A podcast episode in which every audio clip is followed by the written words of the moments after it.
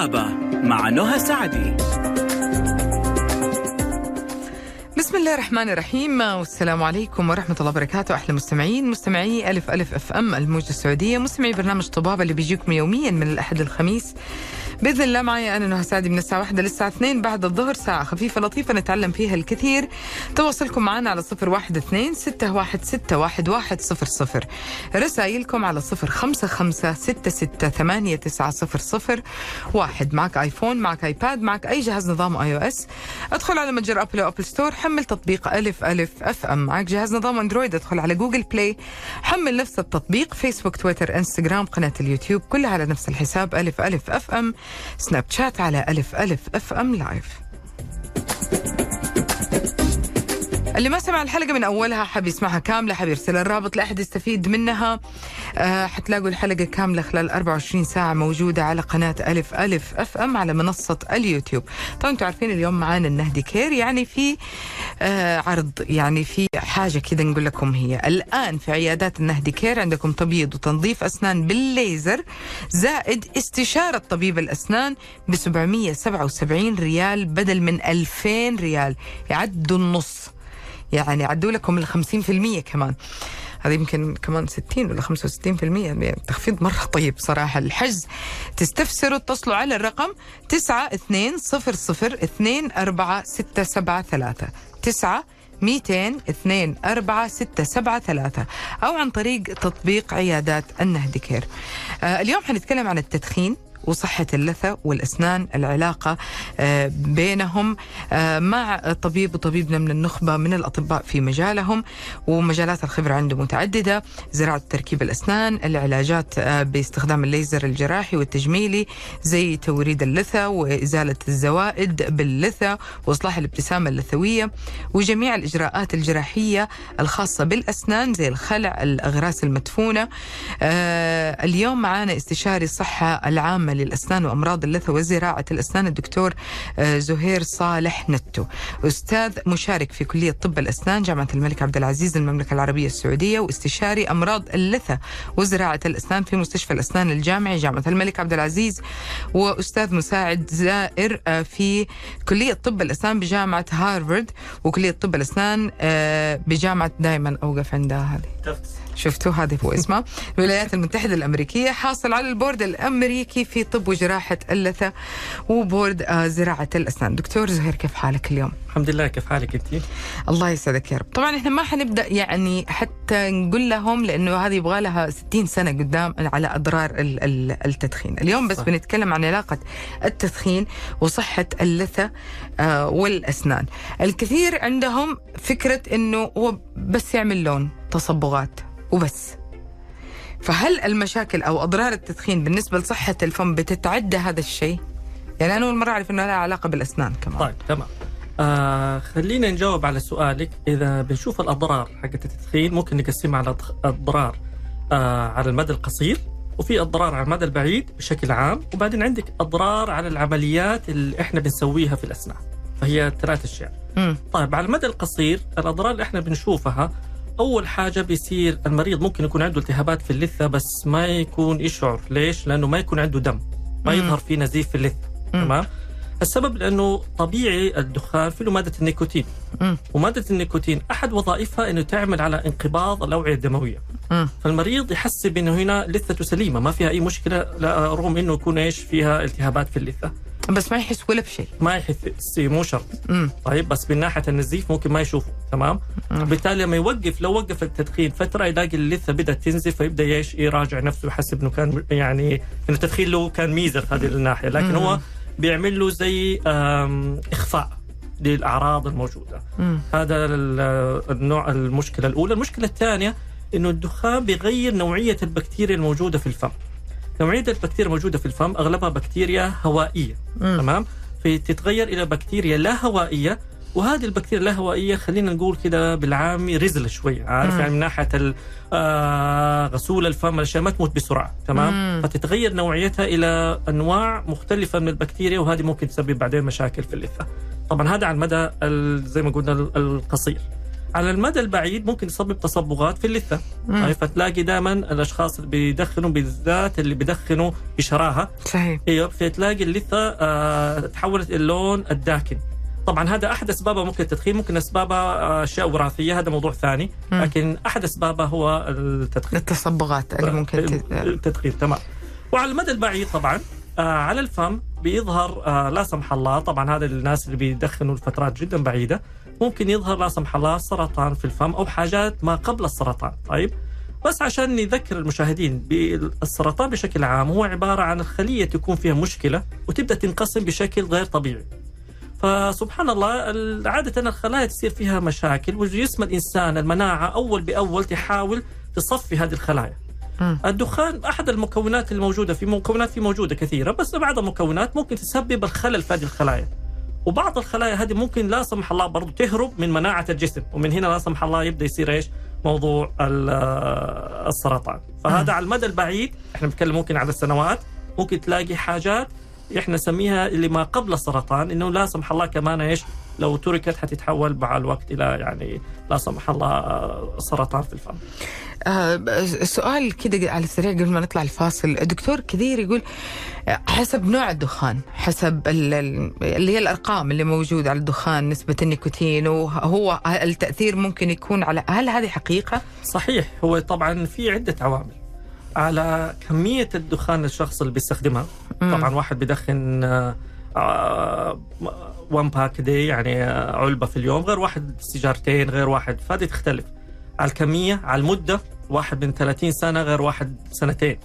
على نوع الدخان برضو إذا كان هو آه، دخان عادي دخان إلكتروني شيشة معسل كل واحد ضرره والمكونات حقته ممكن تكون مختلفة وبالتالي الأضرار حتكون مختلفة جميل. حنطلع فاصل قصير. مستمعينا أي سؤال استفسار على صفر واحد اثنين ستة واحد ستة واحد واحد صفر صفر أو برسالة واتساب مجانية على جوال الإذاعة صفر خمسة خمسة ستة ستة ثمانية تسعة صفر صفر واحد. فاصل خليكم مع السماع.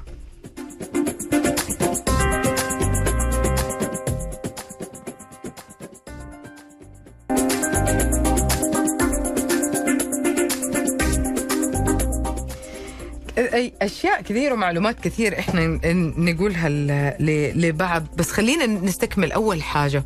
آه، إحنا تكلمنا عن ال- اللثة لكن ما تكلمنا على الأسنان. يعني هذه بالنسبة لي أنا معلومة جديدة إن الأسنان كمان تتأثر مم. آه، بالتدخين. إيش التأثير أو اللي ممكن تتعرض ليه الأسنان من ال... طيب آه الأعراض اللي بتظهر في الفم أكثر على اللثة والأنسجة المحيطة في الأسنان. الأسنان ما راح تتأثر بشكل كبير إلا إلا من ناحية اللون. اللون ممكن يتأثر مع التدخين بشكل كبير لكن الأعراض الثانية تظهر بشكل أكبر آه على الأنسجة المحيطة. وزي ما ذكرت لك في آه تأثيرات ثانية على العلاجات إحنا ما تكلمنا عنها ممكن أنت حابين نرجع لها دحين ولا بعدين نتكلم عنها؟ آه، شوية. طيب تمام خلاص إيه. تمام بس يعني يعني يعني ال- الأسنان بس ممكن يكون التغيير في ال في ال عشان أنا أبغى أسأل الأسئلة. اللي عندي أنا الحين إيه. عندي لقافه في حاجات مرة كثيرة بعرف. خذي راحتك من من من الناس يقول لك التدخين في الدخان مثلا مو في مثلا المعسل مو في مثلا ال- ال- السيجارة الإلكترونية مثلا. يعني يقول لك لا هذا شيء وهذا شيء هذه حقيقة ولا هو دخان بطال في بكل أحواله. طيب. حقيقي. نبى نبى نوصل لهم الفكرة عشان بيختلط على الناس كثير الأمر. طيب. آه الدخان بشكل عام كل أنواعه فيها أعراض. كل أنواعه بدون استثناء تمام؟ مم. طيب لما نيجي نقول ليش السجائر العادية بشكل عام وبعدين ممكن الشيشه والمعسلات الأعراض فيها واضحة. امم لأنه هي تعتبر حاجات قديمة. عارفه يعني الآن الدراسات اللي عندنا من السجائر كم 60 70 سنة؟ عارفين أعراضها وعارفين. صح. لكن لما نيجي السجائر الالكترونيه مثلا بدأت 2003 طيب فتعتبر تراها يعني نوعية جديدة مقارنة بالأنواع الثانية وبدات بالتحديد في الصين فحتى أكبر دولة تستخدم السجائر الإلكترونية هي الصين. هي أصلا طلعت من هناك. فالدراسات اللي فيها عمرها صغير مقارنة بالدراسات الثانية. هذا رقم؟ واحد. مم. رقم اثنين نوعية الدراسات اللي كنا نسويها في السجائر العادية الآن ما نقدر نسويها الآن. طيب مم. هناك أنواع كنا د- يعني أنواع دراسات ممكن فيها آه، تجارب على أنواع بشر أو شيء الآن هذه النوعيه من الدراسات أصبحت من الماضي مم. الآن ما تقدر تخلي مريض مثلا يغ- يغير نوع الدخان وتجربي وكذا هذه صح. نوعية دراسات ما نقدر نسويها نعم. لذلك الأعراض اللي الآن مع بعض الأنواع ما هي واضحة زي الأعراض اللي موجودة لكن في دراسات بتقول إنه في أعراض لازم في أعراض آه مع أي نوع معلش دكتور إيش كنت بتتكلم فيه؟ لأنه أنا أسئلتي مرة كثير.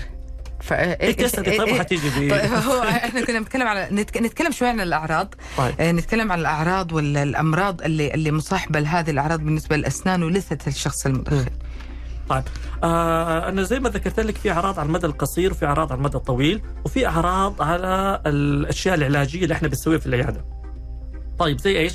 مثلا لما نسوي زراعة الأسنان آه طبعا بشكل عام زراعه الأسنان نسبة نجاحها عند الأطباء الممتازين حوالي 97% يعني من كل 100 حالة في ثلاث حالات تفشل لأسباب معينة. امم طيب في حالات اللي الشخص اللي بيدخن هذه نسبة النجاح توصل إلى 80% يعني من كل 100 شخص حتلاقي ممكن 20 زرعة تواجه الفشل طيب مم. ليش؟ لأنه الزرعة هذه مثلا نحتاج بعد ما نزرع أنه تمسك في العظم الشخص اللي بيدخن من نتيجة الحرارة نتيجة عدم الالتئام السريع في اللثة فهذا ممكن يسبب أنه الزرعة ما تلتئم بسرعة فيصير عنده نسبة فشل أعلى. فمن ناحية زراعة الأسنان ممكن تسبب بعض المشاكل. مم. آه الخلع هذه من الاعراض اللي جدا تكون شائعة.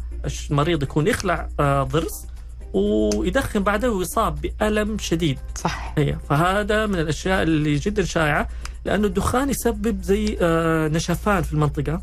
ما يكون في عندنا تجلطات الدم بالتالي ما يلتئم بسرعة ويصير في ألم مرة شديد طيب؟ والتهابات ممكن والتهابات. ممكن يتع- يعني أي تعرض بالضبط مم. هذه ما اللي تعرف باسم العلمي dry socket طيب مم. المنطقة الجافة فهذا طبعا من أعراض الدخان أعراض الثانية لو المريض احتاج إلى زراعة عظم إيه، إلى سوينا له جراحة في اللثة فالالتئام يكون عنده بطيء لأنه عادة ال- التدخين بيأثر على بعض الخلايا اللي اسمها الفايبروبلاست اللي هي بتطلع ال- ال- الأنسجة حقت الفم وبالتالي هذه ما تلتئم بشكل سريع.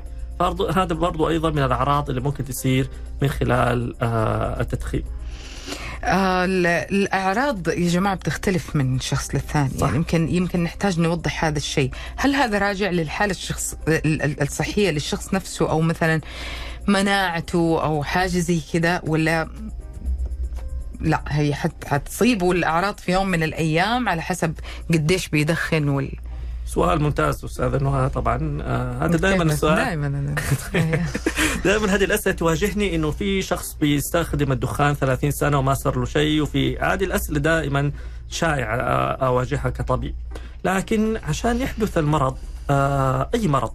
يحتاج إلى وجود آه سبب اللي يكون ممكن بكتيريا أو فيروس. يحتاج إلى وجود بيئة معينة ويحتاج إلى وجود آه حاضن لهذا الفيروس أو البكتيريا. آه طبعا هذه الأشياء تختلف من شخص لشخص. فممكن في شخص فعلا بيدخن لكن من ناحية ثانية بيأكل أكل صحي بينام مبكر بيلعب رياضة بيهتم بأسنانه بيروح يفرش. احتمالية إنه يصير في الأعراض والمرض مو زي شخص ثاني آه بيدخن وما بيفرش اسنانه ولا بياكل كويس. فهنا طبعا الأعراض في الشخص الثاني حتكون مختلفة عن أعراض الشخص الأول. وسرعة حدوث المرض. فبالتالي ما نستطيع نقول الدخان لوحده حيسبب المرض. هو يحتاج إلى مجموعة عوامل. كل ما تزيد هذه العوامل كل حلو. ما احتمالية يصير المرض كل ما يقل هذه العوامل ممكن المرض يتأخر في الحدوث. حيحصل حيحصل لكن ممكن يحتاج وقت أطول. غير رائحة الفم الكريهة اللي ممكن تقضي على خمسة أشخاص في قعدة واحدة مثلا إذا كان شخص صراحة إذا كان غير مهتم يعني في في في في, في نظافة فمه أو شيء زي كذا إيش ممكن المضاعفات كمان اللي تحصل له أكثر بسبب هذا الشيء طيب آه طبعا أنا لو تفتكر قبل شوية تكلمنا إنه البكتيريا تتحول من هوائية إلى لا هوائية. طبعا قلنا اللا هوائية هذه شوية طبيعتها يعني صعبة في التعامل. من اهم الأشياء اللي ممكن تسببها هي اللي هي روائح الفم الكريهة زي ما ذكرتي. لأنه طبيعتها الآن هذه البكتيريا تعيش في وضع معين ما تحتاج إلى هواء. فممكن لو آه، اللثة فيها جيوب أو منطقة 5 ملم تحت اللثة فممكن تعيش فيها تأكل وتشرب ما عندها أي مشكلة. مم. فطبعا هذه حتسبب الروائح اللي زي ما ذكرتي وطبعا هي من الأشياء جدا مزعجة أحيانا تكون مع مرضى اللي هو مصابين آه، هو عفوا اللي هو مرضى اللي هم بيستخدموا الدخان بانواعه المختلفه فهذا من أهم الأشياء اللي كيف تربط موضوع اللثة بموضوع رائحة الفم. آه، دكتور يعني يمكن كثير في المجالس من وقت للثاني نسمع حوار بين اثنين. لا مستحيل أنا أدخل زيك يمكن كمان سنين أكثر منك. لا مستحيل أدخل نفس النوع. لا م- و- ف فبي يعني بيقولوا إنه الحالة اللي عندك مو ما, ما لها علاقة بالدخان ليش في تأثير على ناس وعلى ناس لا. وليش في تأثير زيادة على ناس؟ في, في ناس وصلهم لمراحل زي ما حضرتك. تفضلت قلت يعني الله يحفظ الجميع للسرطان والمشاكل صحيح. مرة كبيرة. وناس لا رغم يعني وقت مرة طويل لهم مدخنين صحيح. آه، زي ما ذكرت قبل شوية هو العوامل المختلفة. فممكن الشخص هذا في عوامل إضافية مو بس الدخان. مم. طيب؟ وبالتالي في عوامل بتسرع اللي إحنا نسميها في اللغة العلمية multifactorials طيب؟ فال multifactorials هذه انه يكون في أكثر من factors هي أكثر من عامل بتؤدي إلى المرض وبالتالي ممكن فعلا الشخصين قدامك آه بيدخلوا نفس الكمية من نفس المدة لكن هذا ممكن يصاب وهذا ما يصاب لأنه العوامل الموجوده في هذا الشخص الأخرى ما هي نفس العوامل الموجوده في الشخص الثاني. طيب؟ وبالتالي حتى إحنا دائما نشوف التوأم رغم إنه فيها تشابه كبير في الموضوع الوراثية والأشياء هذه لكن تلاقي ممكن احتماليات إصابهم بأمراض تكون مختلفة. نتيجة العوامل البيئية الثانية الموجودة حوالينا فهذا بالضبط ليش إنه في اختلافات من شخص لشخص. يعني خلينا نقول إنه ما حتلاقوا طبيب في أي مجال أو أي تخصص يقول لكم لا دخن ما فيها حاجة.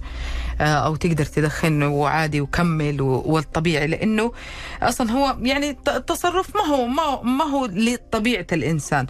في أشخاص مشكلتهم يعني آه، معلش أنا عارفة إنه هذا ما هو ما هو من ضمن الأسئلة لكن برضه لا، لا، نحتاج. نسأل الدكتور هل أقدر أروح لدكتور الأسنان؟ أنا أبغى مثلا أحد يساعدني إني أنا أوقف آه، التدخين آه، سواء متضرر أو الشخص ما هو متضرر. تمام. مو سؤال برضو ممتاز يعطيك العافية للسؤال ده. آه، إحنا خلينا أول شيء وهذه شيء أفكر فيها نفسي وأفكر زملائي الأطباء وأذكر آه، فيها برضو المرضى هو السؤال ليش الشخص صعب إنه يصيب الدخان؟ طيب الشخص صعب يصيب الدخان أول شيء عشان نعرف السبب وبالتالي إحنا نقول نقدر نقدم له شيء ولا ما نقدر آه عادة تلاقي إنه الدخان أصلا بيفرز مادة النيكوتين، طيب ومادة النيكوتين هذه موجودة في الدم بشكل طبيعي في جسم الإنسان. طبعا مادة النيكوتين هذه أحد وظائفها هو يسبب استرخاء للأعصاب. تمام؟ فالشخص لما يبدأ يدخن بالفترات آه سبحان الله جسم الإنسان خلاص ما يبدأ يفرز مادة النيكوتين، فيصير مصدره من فين؟ من الدخان. مم. تمام؟ بالتالي يلاقي الشخص لما يحاول يوقف الدخان يلاقي في أعراض إنه صح. يلاقي عصبي ما هو قادر آه لازم يرجع لموضوع الدخان عشان يهدى شوية ويعني يبدأ شوية آه ترجع الو- الوضع طبيعي فنلاقي دائما فترة ثلاثة شهور بعد الدخان هذه دائما تكون فترة حرجة وتلاقي. الشخص يمر فيها بالصعوبات طيب لما يجيني المريض أنا الآن هو المريض بيدخن آه طبعا إحنا كأطباء أسنان بنحاول ننصحه لكن خليني أكلمك بشكل واقعي خلينا يعني أقول لك بشكل واقع. صعب أقول للمريض لا تدخن وهو فعلا حيروح يرجع ثاني يوم بيته وما حيدخن. ويوقف الدخان يعني هذا كلام شوية أشوفه صعب.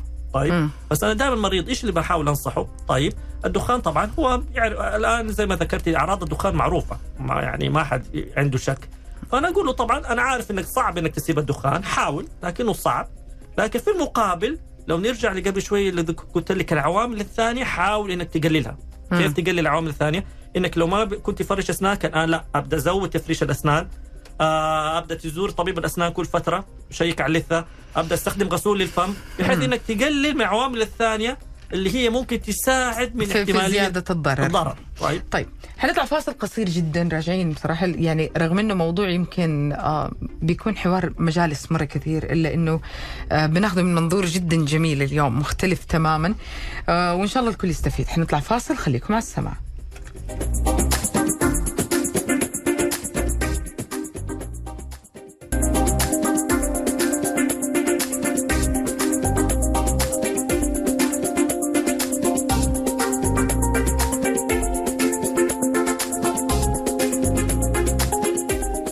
مكملين معاكم مستمعينا واليوم ضيفنا الدكتور زهير نتو.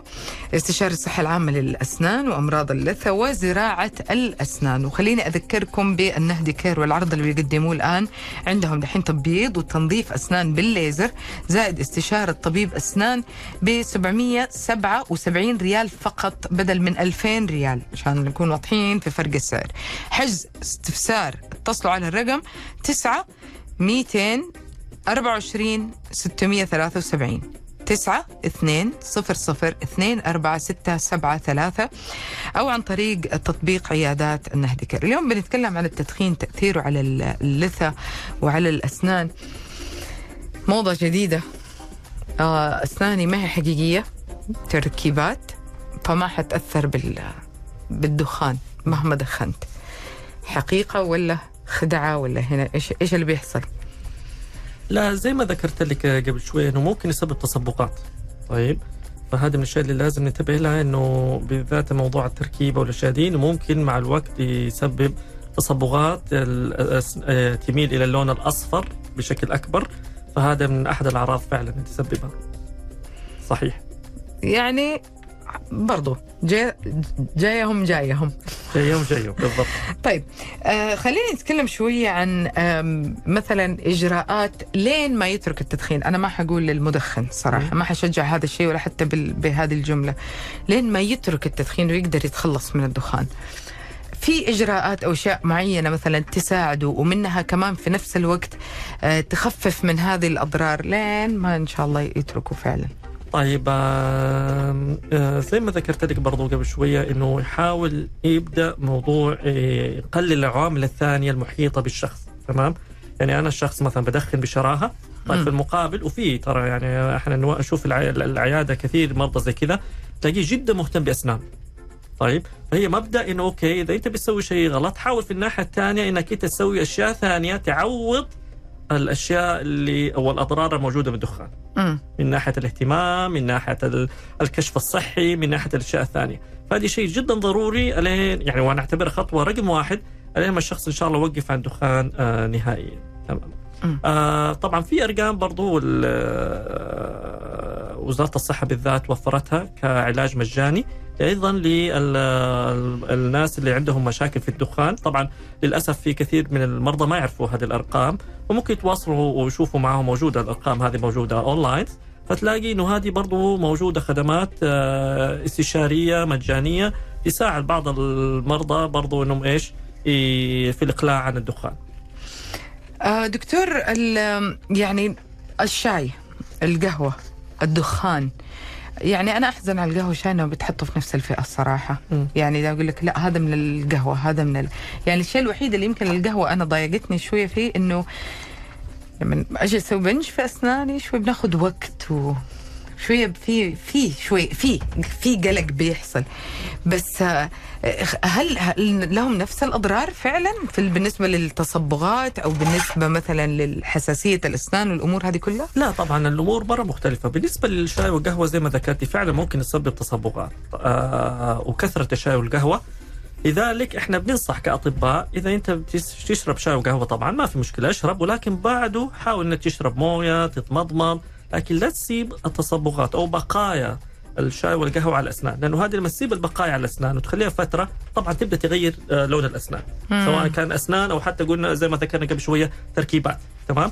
فهي طبعا الأشياء هذه كلها مختلفة عن بعض. بالعكس في بعض الدراسات تقول الشاي بشكل خاص إنه يساعد في تقليل التسوس. تمام؟ آه، مم. الشاي آه مو بستة ملاعق سكر يا جماعة. لا طبعا أيوه. أيوه الشاي كمكو- شاي. كمكون شاي طبيعي. الشاي الطبيعي المكون العادي تمام؟ فيقلل من آه تسوس الأسنان. آه فالشاي والقهوة طبعا لهم آه، أشياء مختلفة. طب وأنت ذكرتي موضوع مهم. آه موضوع البنج مع شرب ال- القهوة. ترى الدراسات بتقول إنه ما له فعلا أي علاقة. أنا كنت حاسة. طيب فما له أي علاقة. لكن ال- أنا كنت حاسة إن الكمية كانت هي نفسها قليلة أيوه فهي يعني ترجع ممكن الطريقة اللي استخدم فيها الدكتور نوع البنج أو عوامل ثانية لكن آه، دراسات لقت إنه ما في علاقة آه، لكن زي ما تقول إنه شيء خلاص صار في المجتمع معروف ودائما يجيك المريض ترى أنا اشرب شاي وقهوة كثير بس طبعا في الأساس مو شرط ما له علاقة. حلو إن نعرف هذه معلومة جديدة الصراحة. آه يعني والارجح هي الأصح لأنه فعليا في ناس بتروح يقول أنا طبيعي أنا عادي زي تأثير القهوة قبل النوم في ناس يقول أنا أقدر أشرب فنجان قهوة أحط رأسي وأنام تالي راجع لكمية النوم اللي. بينامها الوقت اللي صحي فيه متوتر ولا لا قبل أيوة، الموعد صحيح. إيه.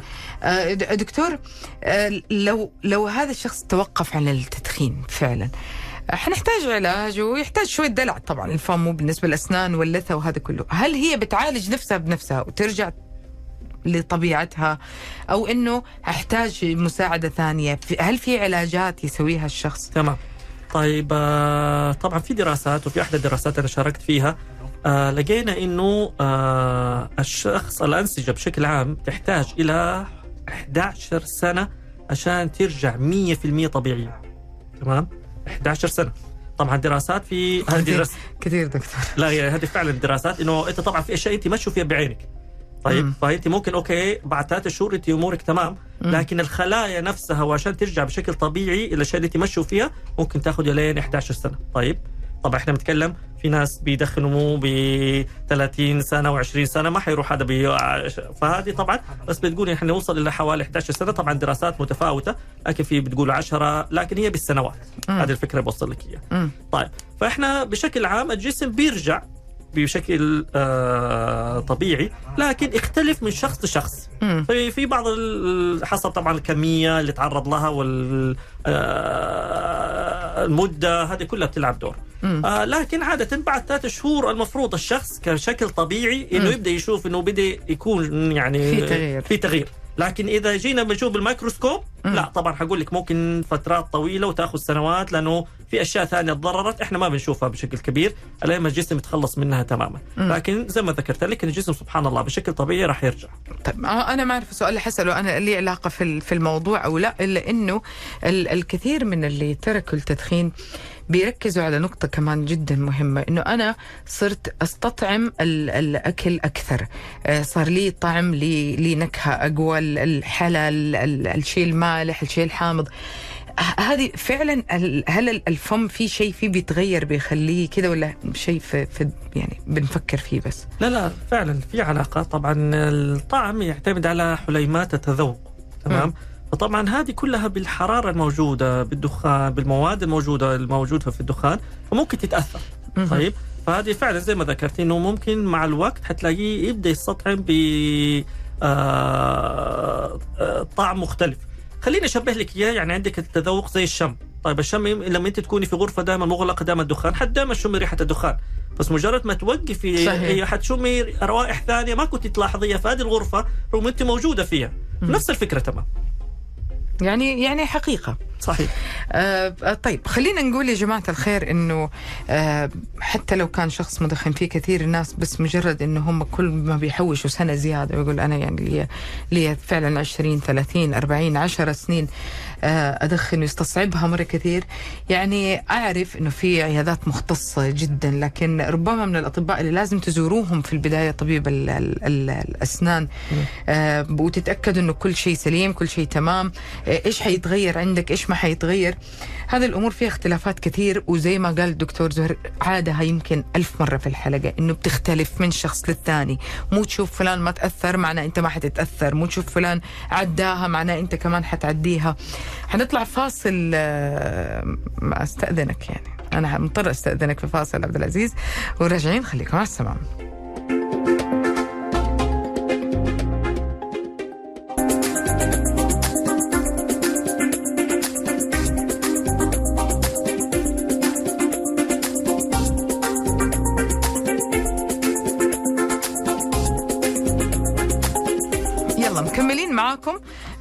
بيجهز معانا اتصال وسؤال. طبعا آه آه، هل علاج ال- العلاج اللثة والأسنان بعد التوقف يعني عن التدخين جلسات ولا مثلا يعني هي جلسة واحدة طيب آه إذا كان ال- بخصوص اللي هو ال- اللون اللي يكون عن موجود على اللثة اللي إحنا دائما علاجه يكون توريد.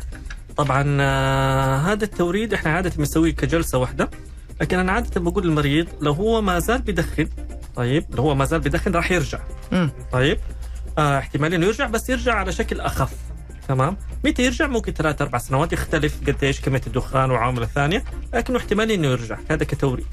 أما بالنسبة للمشاكل الثانية لو افترضنا الالتهابات والاشياء دي هذه يبغى لها بس تنظيف عادة جلسة وجلستين وبعدين يبغى لها متابعة تتأكد إنه الأعراض ما ظهرت مرة ثانية. جميل. جميل. ناخذ اتصال ألو؟ السلام عليكم. عليكم السلام. مساء الخير نهى. مساء النور يا هلا مين معنا؟ من وين؟ هديل من الرياض. خديجة؟ هديل هديل من الرياض. عبير. جديد هديل. والله أنا مصرة على أي اسم ثاني معلش. يلا سؤالك يا عبير. آه. هديل. معلش عبد العزيز. ألو؟ آه، حابة أسأل الدكتور. امم آه، الوالدة عندها سكر وضغط. ألف سلامة. عندها 11 ونص. أمم. 11 وشوية كذا. آه، ينفع لو تسوي زراعة أضراس أسنان؟ زراعة. طيب اسمعينا اسمعينا هديل عن طريق الراديو اسمع الإجابة. تفضل دكتور. طيب يا أخت هديل شكرا على السؤال. طبعا آه زي ما ذكرت الوالدة عندها تراكمي عالي 11 ونص تمام؟ آه وأكيد 11 ونص الآن في هذا الرقم التراكمي إنه أسنانها الطبيعية بدأت تتحرك. طيب مم. لذلك إحنا عادة ما ننصح إذا كان تراكمي أكثر من سبعة إحنا عادة ما نزرع لأنه سبحان الله إذا الأسنان الطبيعية اللي ربنا خلقها بتتحرك حيصير نفس الشيء مع الزراعة. تمام؟ فعادة إحنا نتعامل مع الشخص بشكل طبيعي إذا كان تراكمي أقل من سبعة. تمام؟ وعادة ما عندكم عنده أي مشكلة ممكن نسوي له زراعة عظم. إذا ما عنده عظم ممكن نسوي له جميع الجراحات. لكن متى ما يزيد التراكمي راح تلاقي العظم يبدأ يتآكل والأسنان تبدأ تتحرك وحتى لو زرعنا الزر- الزراعات برضه راح تتحرك. آه مرة أشكر هديل على السؤال لأنه هذا يمكن الموضوع اللي أنا أحب دائما أهتم إني أنا أسأل فيه. آه مع الأسف إنه في المرأة الحامل ما بتسيب التدخين. تقول أنا قبل كذا كنت أدخن وعادي وجبت ولدي الأول كويس وفلانة ما ما أعرف إيش. ومرضى الضغط مرضى السكر مرضى اللي يتعرضوا لمشكلة في القلب في يوم من الأيام. آه ما بيهتموا بهذا الشيء ما, ما له تأثير علي مرة كثيرة. هل في حال أن هذا الشخص حب يعمل أي إجراء لأسنانه؟ بيكون إجراء مختلف عن الباقيين زي هذه المشكلة الزرع أو التركيبات أو طبعا أنا عادة هنا آه، في العيادة آه، أقيم كل مريض حسب حالته. بالتالي ما أقدر أجاوبك سؤال معمم. إنه أشوف المريض إذا هو كان بيدخن لكنه ما شاء الله بيهتم بالعوامل يعني ما شاء ما شاء الله بيفرش أي. بيزور بحشوات عنده جدا قليلة. آه يعني هذا حيكون أتعامل معاه معاملة كمريض طبيعي ما في له أي مشكلة. تمام؟ مم. لأنه عنده عوامل بتثبت إنه هو يقدر يحافظ على الشغل اللي سوي حسويه. لذلك أنا أتعامل مع المريض حسب الحالة. آه لو هو كان عنده ضغط أو عنده سكر إيش الضغط عنده؟ إيش السكر اللي عنده؟ إيش الحالة اللي عنده؟ مم. بناء عليه أنا وكمان لو هو مثلا سكر وتدخين غير لو هو سكر لوحده غير صح. عوامل مرة مختلفة. طيب السكر زي هو التراكمي زي ما ذكرت والدتها عالي ولا منخفض؟ يعني عوامل مرة كثيرة بناء عليه أحدد علاج يكون مخصوص لهذا المريض. ما يعني ما تقدر تقولي في جواب عام لكل المرضى. حيختلف على حسب الحالة وعلى بالضبط. حسب درجة الأعراض بالضبط. ربما أو شيء زي كذا. آه هل ال- العلاج يعني مثلا يتضمن شيء غير مثلا جلسات؟ هي إيش إيش بيكون العلاج؟ تنظيف ولا بتكون تبييض؟ يعني إيش اللي بيسويه الشخص لو توقف عن التدخين؟ لعلاج اللثة ويحاول إنه يرجعها لحالتها الطبيعية. تمام. آه غالبا هو رقم واحد. طبعا تكون علاجات تنظيف للثه طيب لما يكون في التهابات زي ما ذكرت لك فجأة الشخص راح يشوف إنه في دم بيخرج نزيف من اللثه فيبغى له تنظيف للثه طبعا في أنواع من التنظيف حسب الحالة آه عشان يخف النزيف هذا. تمام؟ أما الأشياء الثانية من ناحية التبييض للأسنان أو مثلا التوريد أو هذا حسب الحالة. تمام؟ يعني ممكن في حالات بعض المرضى ما يقول لك اللون اللثه الآن يعتبر لون عادي. آه ما عنده فيها مشكلة. مم. نفس الشيء بالنسبة للون الاسنان ممكن بالنسبة له هذا الصفار الموجود عنده أو يكون آه عادي. لكن هو اللي حيفرق معاه الالتهابات. هذا اللي أول حاجة اللي فعلا لازم يسويها علاجات للثه من ناحية الالتهابات الموجودة عشان النزيف اللي حيصير عنده هذا يخف بشكل كبير. يعني مشكلة النزيف آه وبتيجي تيجي مع الأكل وبتاذي الشخص وهو مثلا يأكل. بتيجي مع تفريش الأسنان تنظيف ال- الأسنان. وأوقات في ناس لا لوحدها اللثه. كده. طب هذه المشكلة ما في ما في طريقة للسيطرة عليها؟ يعني تساعده في البيت مثلا؟ شيء طيب يعني في ناس بيستخدموا الموية والملح. صح. يعني نتكلم آه، في حقيقي الأشياء اللي يستخدموا في شو اسمه ده ال- القرنفل صح. بيستخدموه مثلا. هل هذه الأشياء في مصلحة الموقف ولا ما لها تأثير؟ طيب سؤالك جدا ممتاز كمان ورائع لأنه سبحان الله هذه من الأشياء اللي دائما يغفل عنها المريض.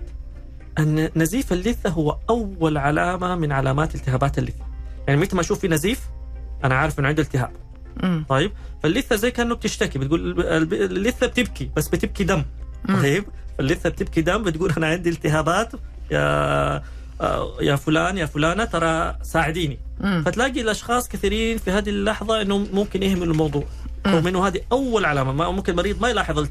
حركة الأسنان ما يلاحظ تأكل العظم ما يلاحظ تراجع اللثه بس الدم يلاحظه.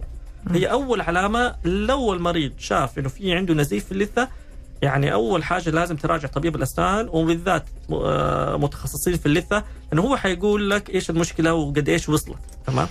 فهذه النزيف بالنسبة كعلامه طب الآن علاجاتها. علاجاتها عادة تتراوح ما بين ممكن في بعض الحالات زي ما ذكرتي آه يمشي معها غسول الفم وهي تكون الالتهابات اللي تكون في البداية البسيطة. لكن أغلب الحالات دي النزيف ما يلاحظ يلاحظ المريض إلا لما يكون إيش؟ عنده التهابات زادت بشكل آه آه يعني فقد السيطرة عليها ما يقدر يسيطر عليها بشكل عادي. هنا يحتاج تدخل الطبيب وزي ما ذكرت لك ممكن يحتاج تنظيف عميق ممكن تنظيف عادي حسب حالة المريض. آه وبعدها يبدأ المفروض الالتهابات هذه النزيف آه بشكل خاص يروح. ممكن يكون في عندك مكان أو مكانين بس يكون شيء طبيعي تمام؟ لكن إنه نزيف إنه اللثة تبدأ تنزف بمجرد ما يلمسها هذه المفروض يختفي تماما بعد العلاجات حقت اللثة. بين الحشوات والخلع والتركيب والاجراءات اللي ممكن تتعمل في الفم آه، إيش إيش ممكن يكون تأثير التدخين السلبي على هذه الإجراءات؟ إحنا تكلمنا في بداية الحلقة عن جفاف طيب. فمثلا في حالة الخلع لكن هو ما هو الإجراء الوحيد اللي بيحصل في الفم إجراءات مرة كثير ممكن تصير. إيش الأشياء اللي ممكن يعطلها التدخين أو ممكن مثلا يخليها ما يمشي الإجراء أو ما يتنفذ بصورة صحيحة. طيب خليني آه، يعني أتوضح منك إيش تقصد بالتدخين السلبي؟ هل هو التدخين السلبي إنه الشخص اللي يجلس لا لا مدخن؟ سلبيات التدخين آه سلبيات. على ال ال على الإجراءات تمام. اللي تحصل في اللي ممكن الشخص يعملها، يعني إحنا بنعمل تنظيف، آه بنعمل تبييض، آه في خلع، في حشوة، في في أو في أوقات يكون علاج على مراحل. آه، هل هل بتكون نفس المراحل؟ بس إيش التأثير هنا التدخين عليها اللي يخليها إجراء سيء بدل ما يكون إجراء أنا صراحة انبسطت في البداية حسبتك هتسأل عن التدخين السلبي اللي هو الشخص اللي يجلس جنب مدخن بس والله ما عندنا مانع نتكلم خلاص راحت عليك ما في مشكلة. لا لا نكمل عليها. أنا أنا سيب ثلاث دقائق احتياط لهذه المواقف. طيب. فكنت حقول لك سؤال ممتاز بس برضه يعطيك العافية. لا هو كان قصدي عندك إبراهيم طيب طيب فعلا إنه سلبيات التدخين طبعا على الأشياء الثانية بتظهر أيضا زي ما زي ما ذكرت على موضوع الحشوات. لكن أنا إذا إحنا باقي ثلاثة دقائق بالذات زي ما ذكرتي أنا بتكلم كمان على موضوع قبل يعني حسب الوقت. على موضوع السجائر الإلكترونية. لأنه هذا ممكن الشيء ما تطرقت له آه طرقنا له اليوم بشكل خاص. لأنه العديد برضه بيسأل عن السجائر الالكترونيه هل لها آه أضرار نفس السجائر العادية ولا لأنه هي خلينا نقول هي الموضة. مم. هي ترند الآن السجائر الالكترونيه مم. طيب السجائر الإلكترونية برضو إنه آه بيسبب بعض الأضرار المشابهة لأعراض التدخين الموجود بشكل عادي. آه لكن إلى الآن في بعض الأضرار ما هي مثبتة آه بشكل خاص. لكن ممكن تسبب زي ما ذكرتي الجفاف بشكل خاص. آه في حالات بتسبب فيها تسوس. آه وعيد هذه النقطة. السجائر الإلكترونية ممكن تسبب تسوس. ليش؟ لأنه موضوع النكهات والمنكهات والجسترول هذه طبعا وجدوا إنه في علاقة بين نسبة التسوس وبين النكهات المستخدمة. فله أضرار وأشياء مختلفة ممكن تصير عن طريق السجائر الإلكترونية. ف الواحد المفروض ما يبدأ يقلل من موضوع السجائر الالكترونيه لأنه ممكن تسبب أعراض مشابهة للأعراض العادية آه ولكن ممكن مختلفة حسب طبيعة السجائر اللي بيستخدمها الإلكترونية اللي هو بيستخدمها بشكل خاص. يعني أقول لكم شيء عن النهدي قبل ما نختم حلقتنا يعني. ليش هم اختياري مؤخرا في كل الاستشارات الطبية اللي يعني بتعرض ليها أو أحد حتى حولي؟ في في ميزة في الأطباء وطاقم العمل هناك كأنهم أصدقاء كأنه لك صديق طبيب أسنان وكأنه لك صديق طبيب آه، آه، مثلا سكر أو غدد. يعني تحس إنه أنت بتتكلم مع أصدقائك أكثر ما أنت بتتكلم مع طبيب في في في في سؤال وإجابة. آه، كل ما بنروح للطبيب بنحس إنه وقتنا محدود مع إنه ترى على فكرة الوقت كله أنت تملكه مجرد ما تدخل للطبيب تقدر تسأل كل الأسئلة عشان برضه ما ما يفوت شيء في التشخيص أو أو في أو أو مثلا في العلاج أو الوقاية يكون عندك معلومات كاملة عن نفسك وعن الفكرة. دائما بيضيفوا معلومة دائما بيكون عندهم معلومة إلا وتكون مفيدة لك في يوم من الأيام. والحلو زي ما قلت لكم يعني أنا أتخيل إنه نفس الوضع كده حيكون في العيادة إنه أنت رحت لصديقك طبيب الأسنان مو طبيب الأسنان اللي صار مثلا صديقك مو رحت لصديقك آه، في التخصص ال- ال- المعين صراحة. هذا شيء أوجه لهم تحية جدا جدا كبيره عليه. وأنا دوشتهم أصلا أنا كل استشاراتي صارت آه، عندهم طبعا استشارات دلع يعني اتصل وقت ما اتصل. شفتوا الرقم اللي قلت لكم؟ هو ازعجوهم أي سؤال في أي وقت. آه تعاون جدا جميل. شكرا شكرا دكتور زهير على وجودك معنا اليوم. شكرا لك يا أخت نهى وصراحة دائما اللقاءات معك فعلا ممتعة. بأسئلتك الجميلة والشيقة اللي ما شكراً له لك. دخل في الموضوع اوقات لا بالعكس بالعكس. هو هذا السؤال المريض بشكل عادي. يعني السؤال التلقائي ده أنا آه، اللي أتمنى إنه أسمعه فعلا. شكرا لكم جميعا. نتمنى الشفاء للجميع. والله يرحم كل متوفي ويجبر خاطر كل شخص آه، مفارق. آه، والسلامة للجميع على أمل يجدد اللقاء فيكم بكرة في حلقة جديدة من برنامج تيمبو الساعة 11 الصباح. شكرا عبد العزيز آل سحيم معانا من الإخراج كنت معكم أنا نهى سعدي. في أمان الكريم وانتبهوا على بعض.